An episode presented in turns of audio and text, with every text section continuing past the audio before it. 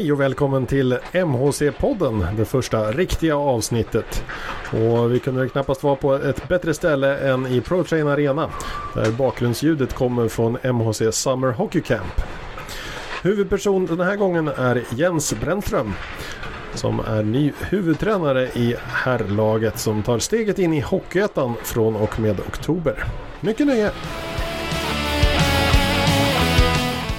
Ja, men då drar vi igång. Välkommen till Mjölby Hockey återigen får jag säga till Jens. Tusen tack för det.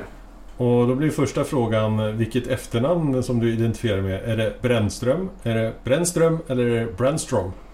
Ja du, det beror ju på vart jag är någonstans där, men eh, eftersom jag är norrlänning så är det ju Brännström. Mm. Men vi börjar i det spåret då. Eh, Var kommer du ifrån? Rent eh, geografiskt och liksom den biten. Jag är född och uppvuxen i en av, Härnösand, eller en av Sveriges finaste sommarstäder, Härnösand. Eh, ligger fem mil norr om Sundsvall, brukar vara bra riktmärke för alla att förstå vart det ligger. Mitt i Sverige. Precis. Hur gammal är du? Eh, 41 i några veckor till. Mm. Familj, sådana saker? Ja, en fru har jag. Eh, vi har inga barn. Och, men utöver det så har jag väl en relativt stor familj i alla fall. Men, men det är jag och min fru i alla fall i närmsta familjen. Mm. Boende i Linghem. Jajamän. Sen när då? Ja, för mig är det ju ungefär tre månader sedan. Eh, Min fru flyttade hem från Transylvanien för nästan två år sedan. eh, När hon inte tyckte att det var lika roligt att bo utomlands längre och saknade Sverige och, och liksom familjen här hemma och så. Så man kan väl säga att på, på deltid boende i Linghem de senaste två åren. Mm. Vad har du för eh, bakgrund hockeymässigt själv? Ja, pratar vi spelarkarriär så har jag väl ingen, ingen större utan det är väl mer som alla andra. Man börjar spela när man är cirkus sju år. Eh, jag spelade fram tills jag var 20 år. Eh, fick jobb som... Eh, fick skiftjobb kan man säga och valde väl egentligen att sluta med hockey på grund av det. Jag hade väl egentligen inte tänkt att sluta för jag tyckte det var det var så pass roligt att spela hockey men, men någonstans ska man leva också och det var det som var alternativet då.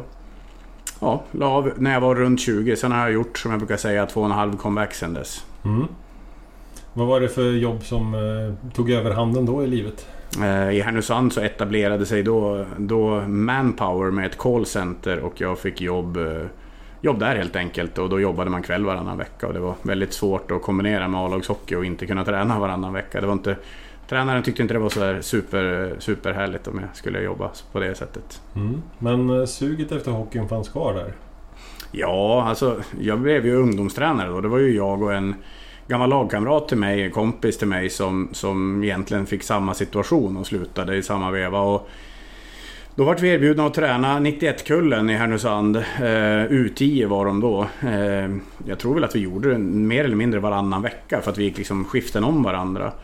Eh, och jag kommer inte ihåg exakt hur, hur det var men, men vi började med U10 i alla fall. Och, hade väl kanske inte stenkoll på vad vi höll på med men, men vi fick i alla fall den gruppen ha väldigt roligt och väldigt många av spelarna, vi var 33 utespelare, jag tror tre eller fyra år senare var vi över 30 fortfarande. Så att någonting rätt gjorde vi utan att vi visste vad vi höll på med på isen.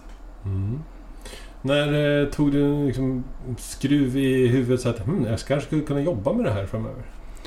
Alltså grejen är väl den att jag hade ju aldrig några planer på att bli tränare egentligen. Utan det var ju med att bara hålla liksom, kontakten med hockeyn och vara med. Jag tyckte det var roligt och jag trivdes i miljön. Eh, hamnade ju i Timrå. Första var jag med på damlaget i Timrå. Sen var jag med på, på U15 och U16 i Timrå. I slutet på ja, 2000, innan 2010-talet började. Och någonstans där fick jag väl lite blodad tand och kände att jo men eh, det, det här är rätt roligt ändå och någon, någon fallenhet för det har jag även om man hade extremt mycket att utveckla. Så började jag väl liksom drömma lite grann då i alla fall. Men, men eh, det var väl egentligen, egentligen inte förrän jag hamnade i LHCs damlag för 13 år sedan som, som jag insåg att det här, det här ska jag göra karriär av. Och det gick ju ganska bra i den klubben. Ja, det får man ju säga. Det var ju, jag var ju tränare de två första åren jag var där och då tog vi SM-brons första säsongen och det var väl liksom lite succé då. Eh, målet och tydliga ambitionen hela tiden var ju att ta SM-guld och ja, min fjärde säsong med laget som också var min sista så, så lyckades vi ta det SM-guldet. Mm, och där hade du lite sportsliga saker utanför själva tränarjobbet också. Ja, eh, sportsliga saker var... Jag var ju sportchef i grund och botten under den säsongen. Sen, sen blev det ju en, en rokad till slutspelet där jag hamnade i båset igen då eh, av olika anledningar. Men, men min, min största roll var ju att jag var, ju, jag var sportchef och byggde laget och jobbade med tränarna och, och så vidare. Det var det som var liksom min roll de två sista åren där. Mm. Vad har du för nytta av det idag som tränare? Ja, alltså de fyra åren, eh, oavsett om jag var tränare eller sportchef, är ju några av de mest utvecklande åren jag någonsin har haft inom ishockeyn. Det, det, jag vet inte om det är fel att säga, men det jag tycker är väldigt bra med, med tjejerna som jag tränade då, det är att de ifrågasätter när de inte förstår. De, de känner sig inte dumma om de inte fattar, utan de ställer frågor, vilket gör att jag måste vara vaksam och, och liksom saker ställs på sin spets. Och insåg väl mina tillkortakommanden i kunskapsmässigt och så vidare och insåg att det här måste jag utveckla om jag ska få respekten med mig och, och verkligen få gruppen att lyssna på mig. Så, så att eh, där, där tycker jag tjejer kanske är bättre än vad killar är. I den, den aspekten att de, det är inga konstigheter, fattar man inte så frågar man. Mm. Och, och, får man inte ett svar som är tillfredsställande då, då vill man att han återkopplar med, med rätt svar och då gäller det att utvecklas som ledare. Så för mig var ju de fyra åren extremt utvecklande. Ja, det låter som du fick utveckla, utveckla din eh, pedagogik också. Ja, både pedagogik men också även hockeykunnande. Alltså rent taktiskt och liksom uppläggsmässigt. Allting. Allting liksom. Och det, det, det, handlar ju inte bara om dam eller herrhockey utan det handlar ju om, om varje säsong ger någonting. Det liksom stoppar in någonting i din kunskapsbank. Oavsett om det är ledarskapsmässigt, rent taktiskt eller planering eller struktur. Det finns så himla mycket saker som gör att du blir bra i slutändan. Mm. Sen bar du av lite utomlands också. Hur kommer det sig? Hur började den resan? Ja, jag hann ju med några år i Sverige. Eh, det gjorde jag inte alls det förresten. Nu, nu ljuger jag. Jag stack till Norge efter det. Mm. Som sportchef i eh, junior och ungdomsklubben IOK Sparta Sarpsborg som är samma klubbmärke, samma, samma organisation egentligen som Sparta Sarpsborg som spelar högsta norska ligan. Men man har i Norge då uppdelat i elite och bredde. Eh, där man har två olika föreningar för att inte äventyra ekonomi och så vidare för, för ungdom och juniorsidan. Så jag var sportchef för junior och ungdomssidan och även damlaget där. Mm. Hur hittade du till Norge då? Eller vem var det som hittade dig? Uh, nej, det var jag som hittade jobbet. Genom, nu, det är också så här, det är, nu är det nio år sedan. Mm. Uh, jag uh, blev tipsad om att det låg en annons ute via en, en rekryteringsfirma.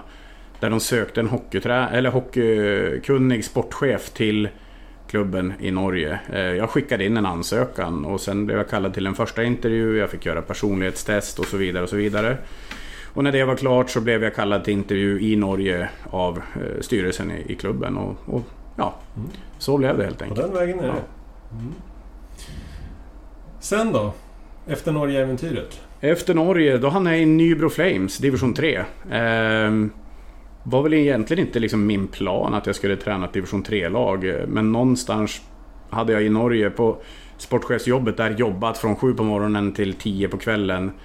Och eh, jag ska vara ärlig och säga, kanske glädjen för hockeyn inte fanns där exakt som, som jag hade velat. Eh, vilket gjorde att jag kände att jag, jag behöver ha någonting som, som känns framförallt glädjande för mig själv. Liksom. Och, och eh, någonstans så kändes det rätt. Man presenterade ett upplägg, en satsning, en, en professionell liksom, satsning som, som skulle göras i, i klubben och, och någonstans så lockade det då. Mm. Var du spelande tränare då också? Eller var det? Jag tyckte jag såg lite siffror i statistiken i alla fall. Ja, nej det var jag väl inte. Det var manfall eh, ett par matcher. Det står, jag står registrerad för tre matcher och en assist har jag sett. Eh, jag var ombytt två matcher. Eh, ena matchen spelade jag ett byte.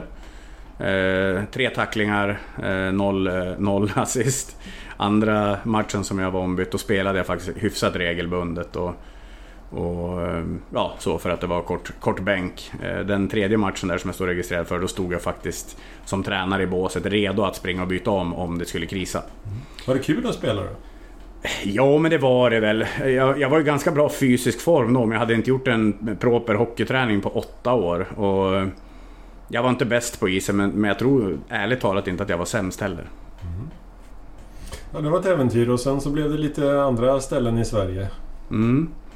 Precis, efter det så jag kände väl liksom någonstans att, att för mig är det viktigt att antingen satsar man eller så satsar man inte lite grann på det jag håller på med och vad jag tycker är roligast och inser väl att någonstans är det Hockeyettan och uppåt som, som liksom lockar och där seriositeten är den blir på en helt annan nivå. Eh, med all respekt för liksom lägre divisioner så, så, så, blir det en nivå till och det är det jag tycker är roligast. Och det är det som driver mig att liksom göra mitt bästa och ge allt jag har. Och då hade jag redan innan möjligheten att sticka upp till SK Lejon i Skellefteå som var i norra Hockeyettan då. Eh, den säsongen jag faktiskt valde att ta Nybro Flames. Så jag var inte redo att flytta upp till Skellefteå just då. Ehm, så, men, men det blev det säsongen efter istället. Och eh, jätteutvecklande säsong. Underdogs tippade, precis som kanske vi är den här säsongen. Eh, gjorde enligt mig en kanonsäsong. Eh, där vi säkrade kontrakt med marginal. Till och med en bit in på fortsättningsserien hade hugg på en playoffplats. Eh, som sen försvann mot slutet. Men, men, men liksom en väldigt bra säsong med våra förutsättningar. Lägst budget i hela Hockeyettan och, och så vidare. Sen eh, gav väl det någonstans ett eko så att jag fick möjligheten att träna Lindlöven som betydligt högre upp i hierarkin och betydligt bättre förutsättningar än vad SK Lejon hade säsongen efter. Och, ja, det blev två säsonger i Hockeyettan där efter, efter Nybro Flames. Mm. Vi bryter av eh, hockeykarriären med lite personkoll. Om du ska säga det själv, vad är du bäst på som person? Oj, som person? Mm. Oj, det, hur lång betänketid vad, får jag? Vad skulle din eh, livspartner säga om dig? Jag vad är du för person? Vi säger så här, jag hoppas att hon skulle säga att jag är omtänksam. Mm. Det är väl det, det, är det jag vill i alla fall, det är det jag strävar efter att vara. Men sen, sen ibland misslyckas man med sig själv. Men, men i grund och botten så är väl det någonting jag vill vara, någonting jag tror att, att hon tycker i alla fall. Mm. Så jag, jag, säger omtänksam. Mm, det är en bra egenskap. Ja. Vad har, måste du jobba mer på för att liksom bli bättre på? Jag skulle vilja säga tålamod. Eh, och det är också väldigt uppdelat. Jag, jag har lite en tendens att bli otålig i, i vissa situationer. När jag är hungrig, när jag är trött eh, och så vidare. Att, att liksom jobba med, med tålamodet är väl en sak som, av många som, som skulle behöva utvecklas. Utifrån det, är du en så rutinmänniska som tycker om schema och så? Mm. Jag gillar att planera, jag gillar att ha struktur men samtidigt så går det stick i stäv med, med vissa andra delar i mitt liv också. Så att jag gillar att ha plan, jag gillar framförallt i mitt yrke och, och liksom i den biten så gillar jag att planera. Eh, ska jag göra träning själv då gillar jag helst att planera. Eh, övrigt så är jag ganska spontan och ostrukturerad. Mm. Utlandsäventyret nästa vända då, nere mm. söderut i Europa. Var det spontant? Ja, det var det väl på ett sätt. Ehm, man ska väl vara ärlig och säga, när vi var i Norge så saknade ju min, min fru familjen hemma i Sverige, eh, här i Linköping. Hon eh, fick väl inte ett jobb som egentligen passade vad hon ska jobba med utan hade något extra jobb och sålde herrkostymer och ja, men det blev liksom inte en bra fit för henne. Så jag trodde ju inte att hon var jättesugen på ett utlandsäventyr till. Nu är ändå Norge liksom granne.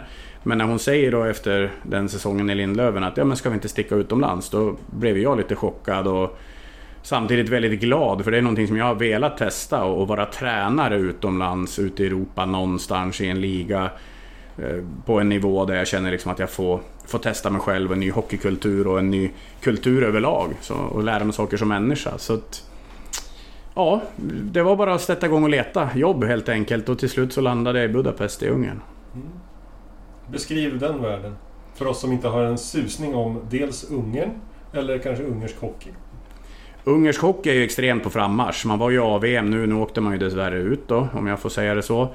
Ehm, man satsar väldigt mycket pengar i utveckling. Man satsar framförallt på utveckling. Junior och ungdom är ju eh, enorma pengar som kliver in i systemet från, från statens sida.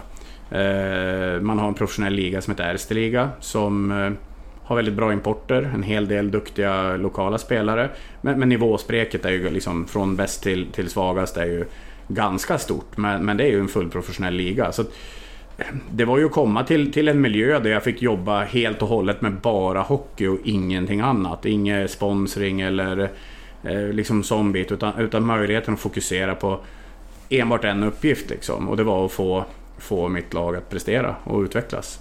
Det låter som ett väldigt viktigt steg i karriären. Ja, för mig var det ju det, är det bästa, bästa steget skulle jag säga. Det är det absolut bästa steget jag någonsin har tagit i min karriär så här långt. Eh, det har givit mig en enorm livserfarenhet, det här så kallade äventyret. För mig ser jag ser det ju inte som ett äventyr utan det blev ju min vardag liksom. Och, ehm, ja men att få jobba i en annan hockeykultur, i en annan kultur. Eh, och, och liksom utmana mig själv. Hur funkar det där? Och förstå andra delar av hockeyvärlden. Jag tror att vi i Sverige är ganska dåliga på att faktiskt förstå resten av Hockeyeuropa. Vi tycker ju själva att vi är väldigt bra här hemma och så gör, kör vi på det. Vi är väldigt bra, men, men vi är ganska okunniga också när det kommer till många andra hockeyländer. Mm. Resultatmässigt då? Första året där? Första året där, jag började ju skulle träna ett U21 heter det då, U21-lag och universitetslag. Ehm, men det gick ganska fort för A-laget eh, som spelade i Erste liga gick väldigt tungt i början. Ehm, så att de gjorde en rockad och, tog bort tränaren och, flyttade upp mig helt enkelt. Det var väl inte så mycket att säga till om, det var bara att byta jobb liksom. Det var väl min plan att jag skulle visa mig första året och sen få chansen i, i Erste liga då, men, men det tog två månader. Vi började vinna varannan match. De, de matcherna jag ledde laget så eh, kollade där i efterhand för att få någon form av kvitto på vad man lyckades med så var vi ett mittenlag.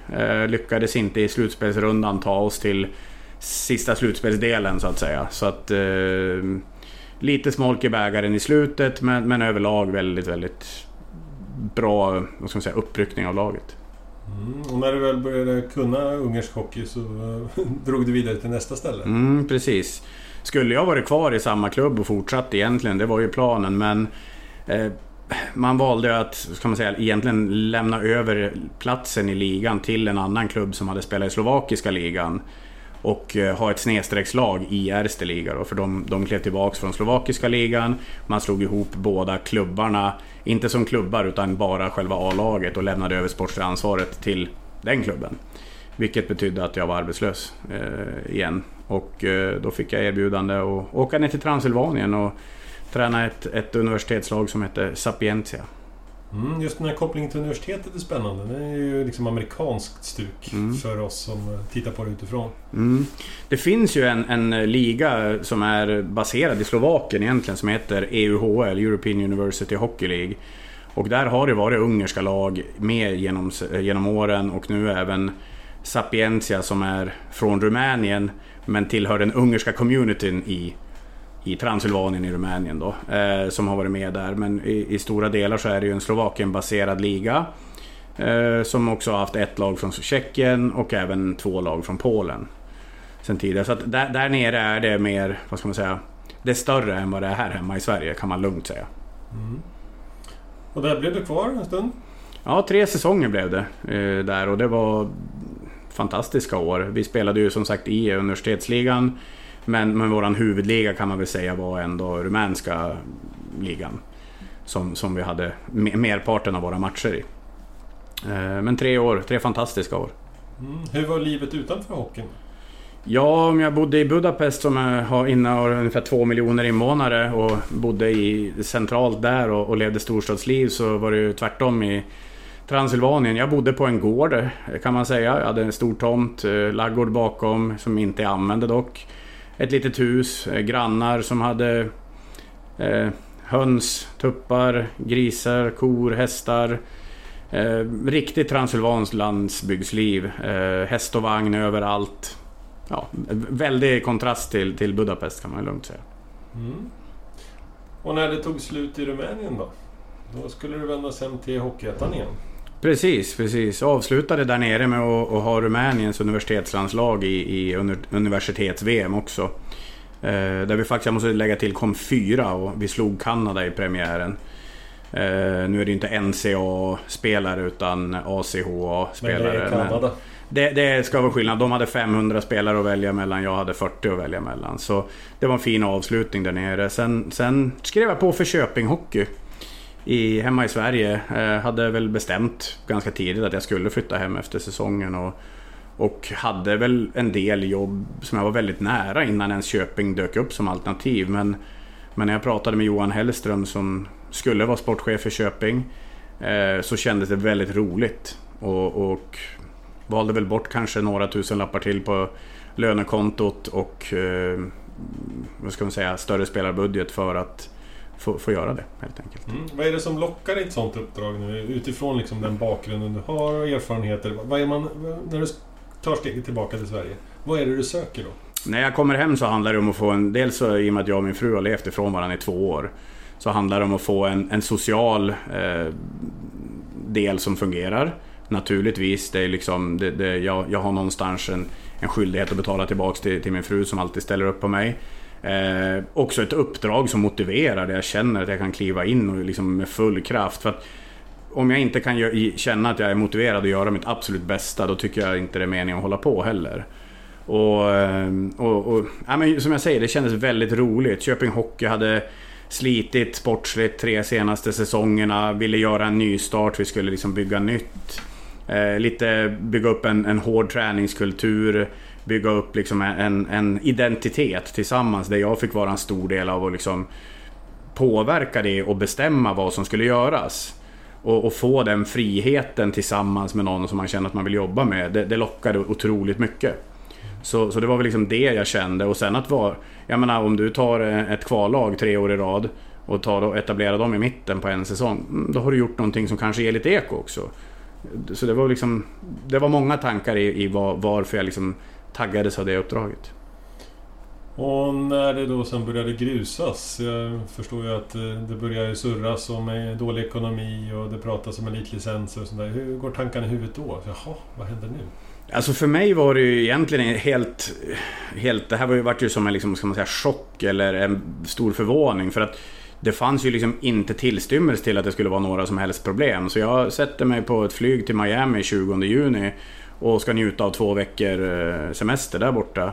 Eh, med, ja, kan det vara fem dagar kvar av semestern där borta så får jag, får jag information av Johan då att, att vi har blivit degraderade till division 2 och att man ska överklaga. Eh, inte på grund av att ekonomin egentligen är dålig utan på grund av att man har inte skickat in nödvändiga papper för att få elitlicensen. Och, men vi hade någonstans en tro och, och ett hopp om att vi skulle få igenom den överklagan. Men så blev det inte. Nej. Vad händer då? Får, får du ett samtal från Mjölby? Eller vad, ja, då, då, då ring, vart det en påringning. Eh, snabbt möte, snabba, snabba papper.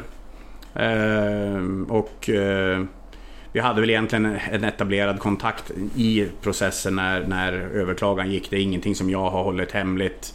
Gentemot Köping så har jag absolut ingen skyldighet gentemot dem för det, det, det är inte jag som har, har fallerat i det här utan, utan det är en självklarhet att jag ser om mitt hus och det var jag ärlig mot, eh, mot de första dagen som jag och Tingman pratade. Eh, jag föreslog att vi skulle träffas även om inte saker och ting var klart.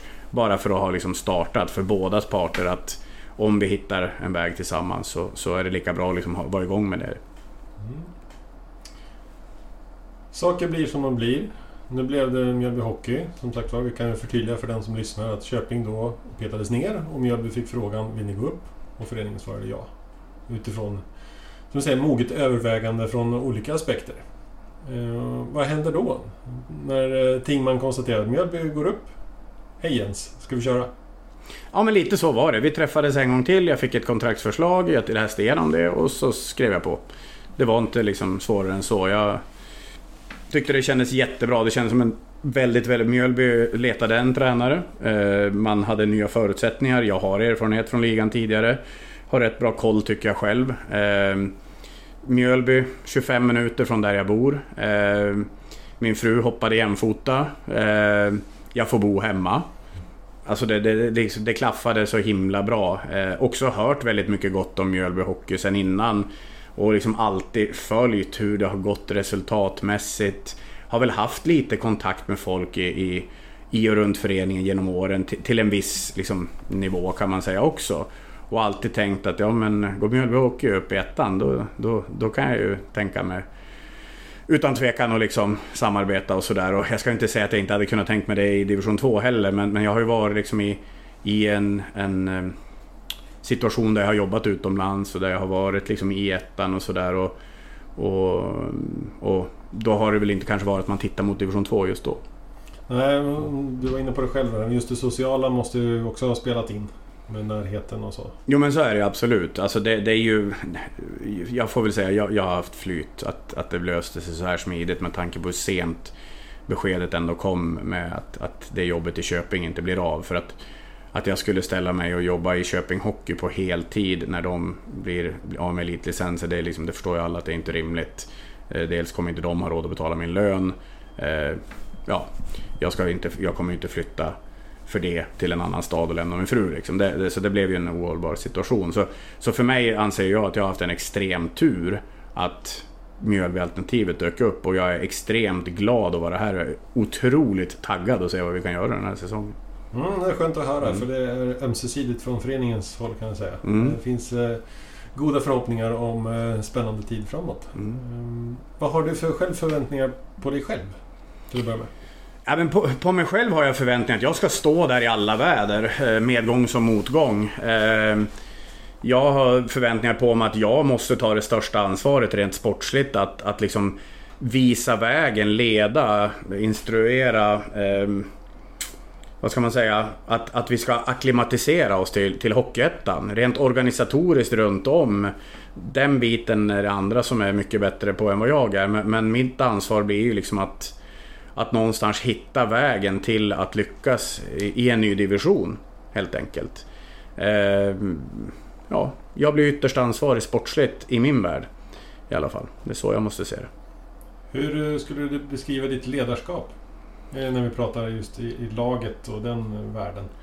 Eh, jag tror att, jag, jag har ju ett par liksom, saker som är väldigt tydligt för mig. Hård men snäll har jag sagt tidigare när vi presenterade mig med, med en intervju.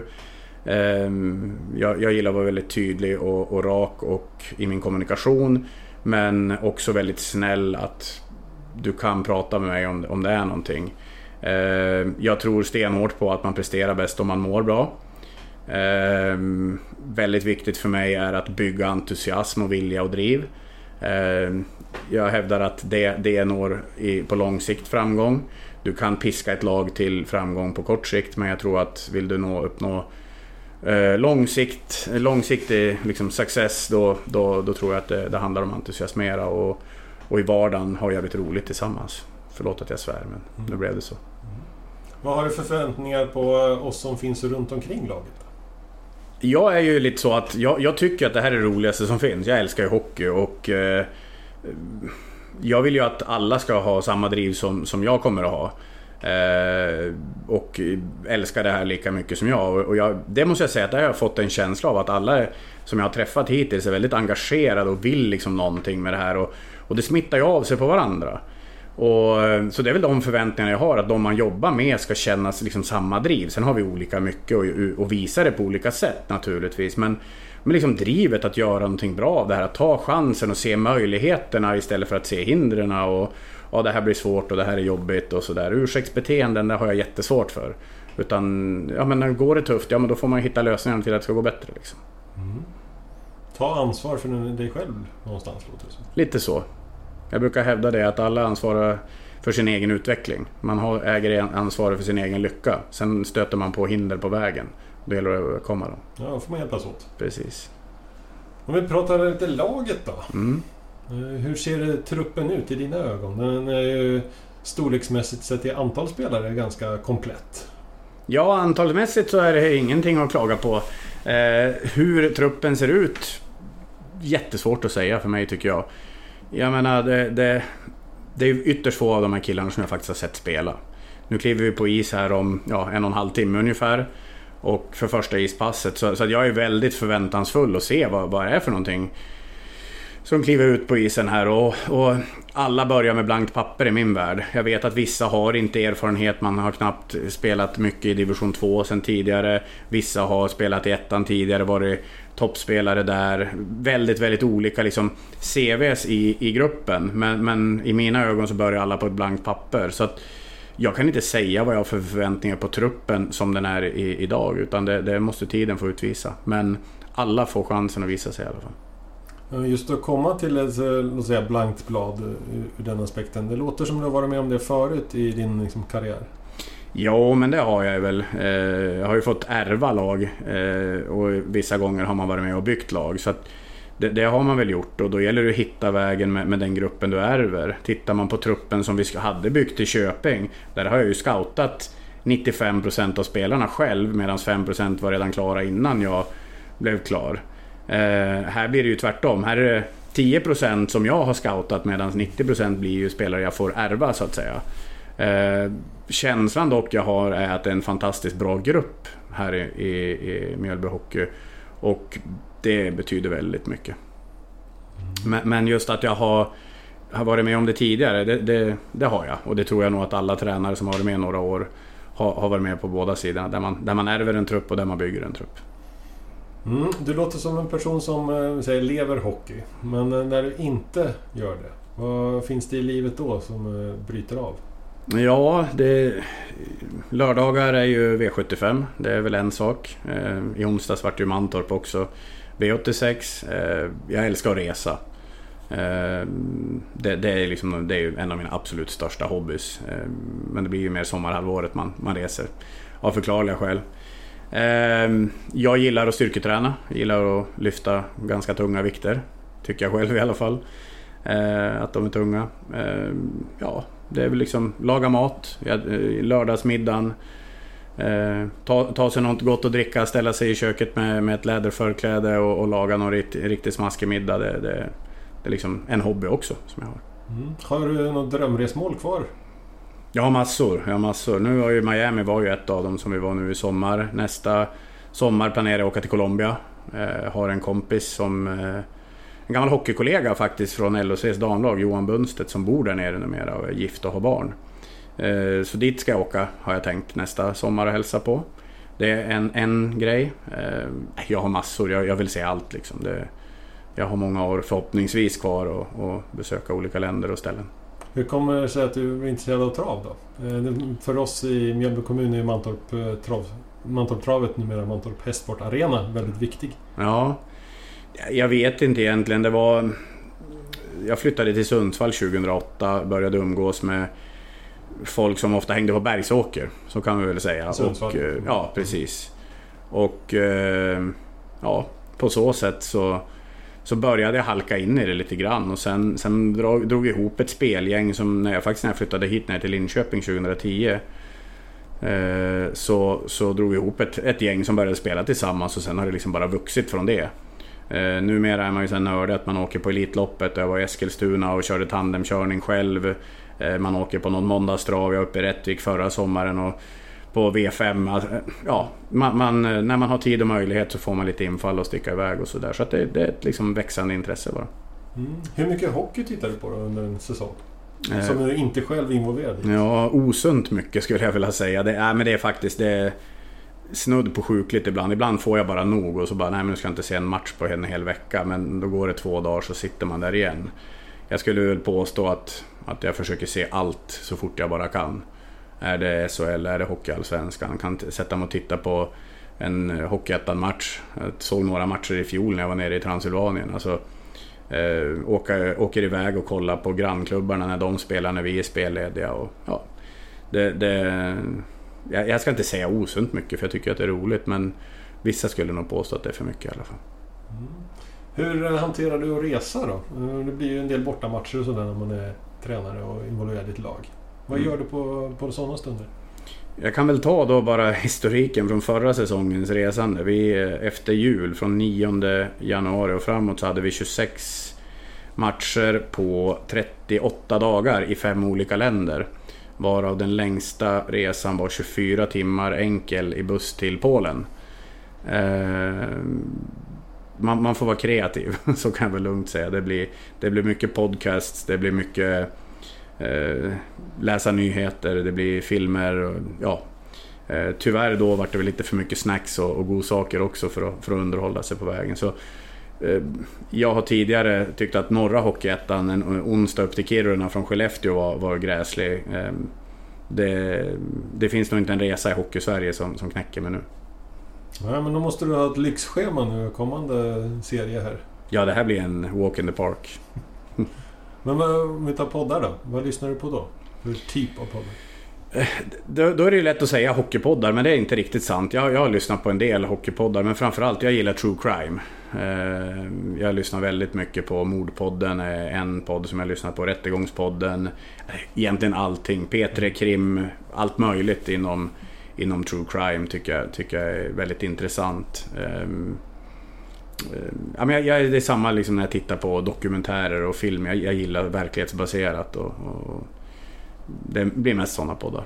Hur är det med, låt oss säga, samhällsintresset i stort?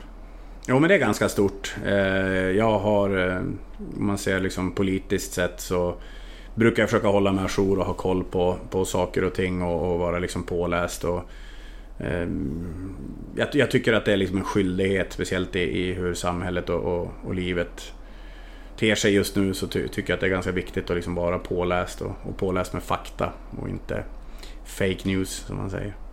Är du en På spåret-människa?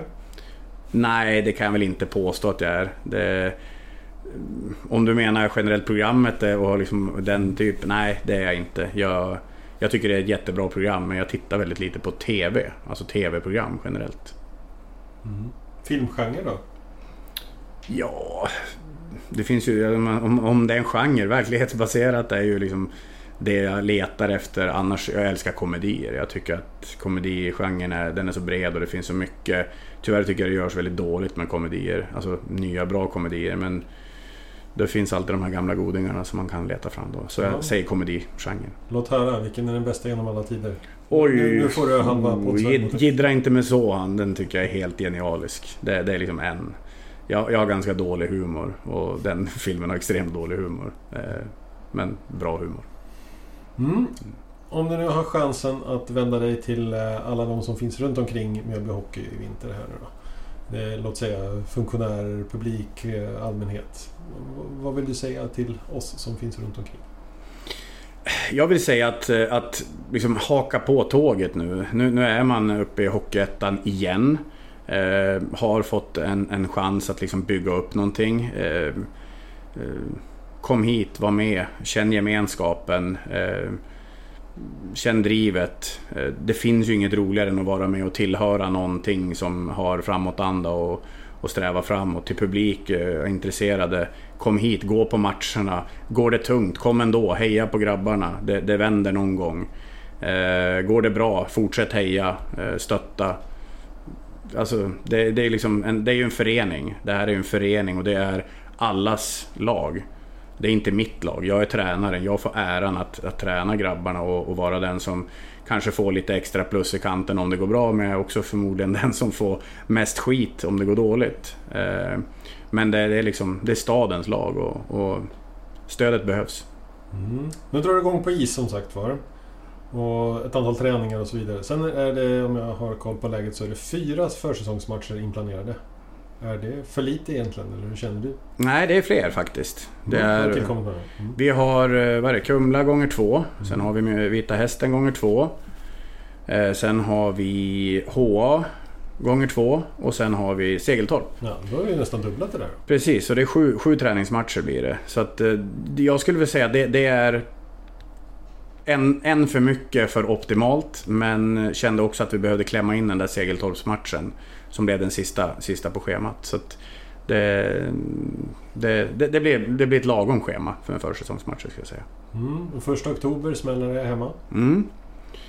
Eh, första oktober, Skövde. Den, eh, ja, det är ju en, ett topptippat lag i den där västra serien, det är utan tvekan. Så finns väl ingenting bättre än att försöka få, få en stor favorit på fall i första matchen. Eh, det kommer vara premiärnerver från dem också naturligtvis. Allt annat seg än seger för dem är ju liksom katastrof mot, mot Mjölby Hockey.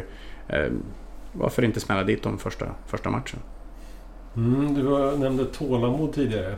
Och det är väl någonting som vi också måste, ska inte säga kräva, men ändå ha i åtanke när det gäller matcher och resultat. Ja, så är det ju. Jag menar, vi måste vara medvetna om att, att Mjölby Hockey har ju byggts för att spela division 2. Det är under, under säsongen. Nu vart det sent att det blir Hockeyettan. Självklart kommer saker att ta tid att få, få på plats. Det är liksom... Det, det, det, det är inte mer än sanningen, så är det. Sen, eh, sen eh, tror jag ju liksom att vi kan hitta vägar och jag tror att vi kan hitta hitta liksom spel, vi kan hitta nivåerna i, i vad vi har i oss och sådär också. Men, men det måste få ta lite tid att sätta saker och ting också. Eh, det absolut viktigaste för oss det är ju att vara bäst efter jul när det drar ihop sig. Eh, jag kan väl inte säga att vi bör ta en plats i allettan, topp 5 innan jul. Utan det handlar ju om att sätta vårt spel. Det handlar om att spelarna individuellt ska komma i sin bästa form. Det handlar om att, att liksom hela gruppen ska komma samman. Eh, vi ska hitta, vår, hitta våran väg framåt liksom. Och, och ibland tar det längre tid och ibland går det snabbare och, och det, det, vet vi inte förrän vi liksom har kommit en bit på väg. Så därför tror jag det är extremt viktigt att man har tålamod. Jag måste ha tålamod. Spelarna måste ha tålamod. Vi har redan pratat om det här redan på första träffen med hela laget. Eh, publiken, eh, alla runt omkring måste också ha tålamod och se utvecklingen och inte bara stirra sig blind på vad det står på resultattavlan varje match. För eh, vår förståelse utanför då. Ehm, en spelare i Hockeyettan, vad är det för liv? Hur många träningar har man i veckan? Vad gör man? Så. Ja, men säg generellt att du har en ledig dag i veckan. Eh, resten av dagarna ska du jobba ehm, studera. Alla har väl lite olika förutsättningar kring det och, vad man har för situation. Ehm, vissa har familjer hemma, småbarn. Eh, sen ska man ner efter jobb, studier. Man ska ner till ishallen och spendera x antal timmar och köra både ispass och fys. Man ska värma upp innan man ska jogga ner och stretcha efter. Eh, det är några timmar varje kväll som går åt. Och det är inget lyxliv, det kan man ju lugnt, lugnt säga för, för spelarna som spelar i Hockeyettan. Ehm, däremot så är det väldigt många Hockeyettan-spelare som har ambitioner att ta sig uppåt och, och skaffa sig bättre förutsättningar. Samtidigt så är det en väldigt inspirerande nivå att spela på för många också. Så att, så att man är beredd att göra den uppoffringen eller vad man nu ska kalla det. Eh, och jag tror att man har väldigt roligt på vägen också. Men, men det är ju ingen lyxtillvaro. Det är ju inte som att spela LHC eh, i A-laget där. Det kan man ju lugnt säga. Är det, är det till och med den svåraste nivån att finnas på just för att du nästan förväntas vara elit men du har inga förutsättningar att vara det om man ska vara lite krass.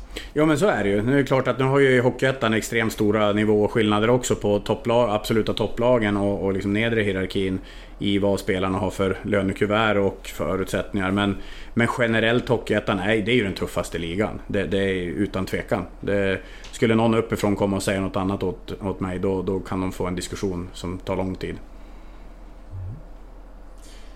Bra. Då tar vi och avrundar där helt enkelt Jens. Mm. Stort tack för att du tog dig tid och stort lycka till. Vi tack så jättemycket. Tack så jättemycket. Vi ses i vinter. Det gör vi.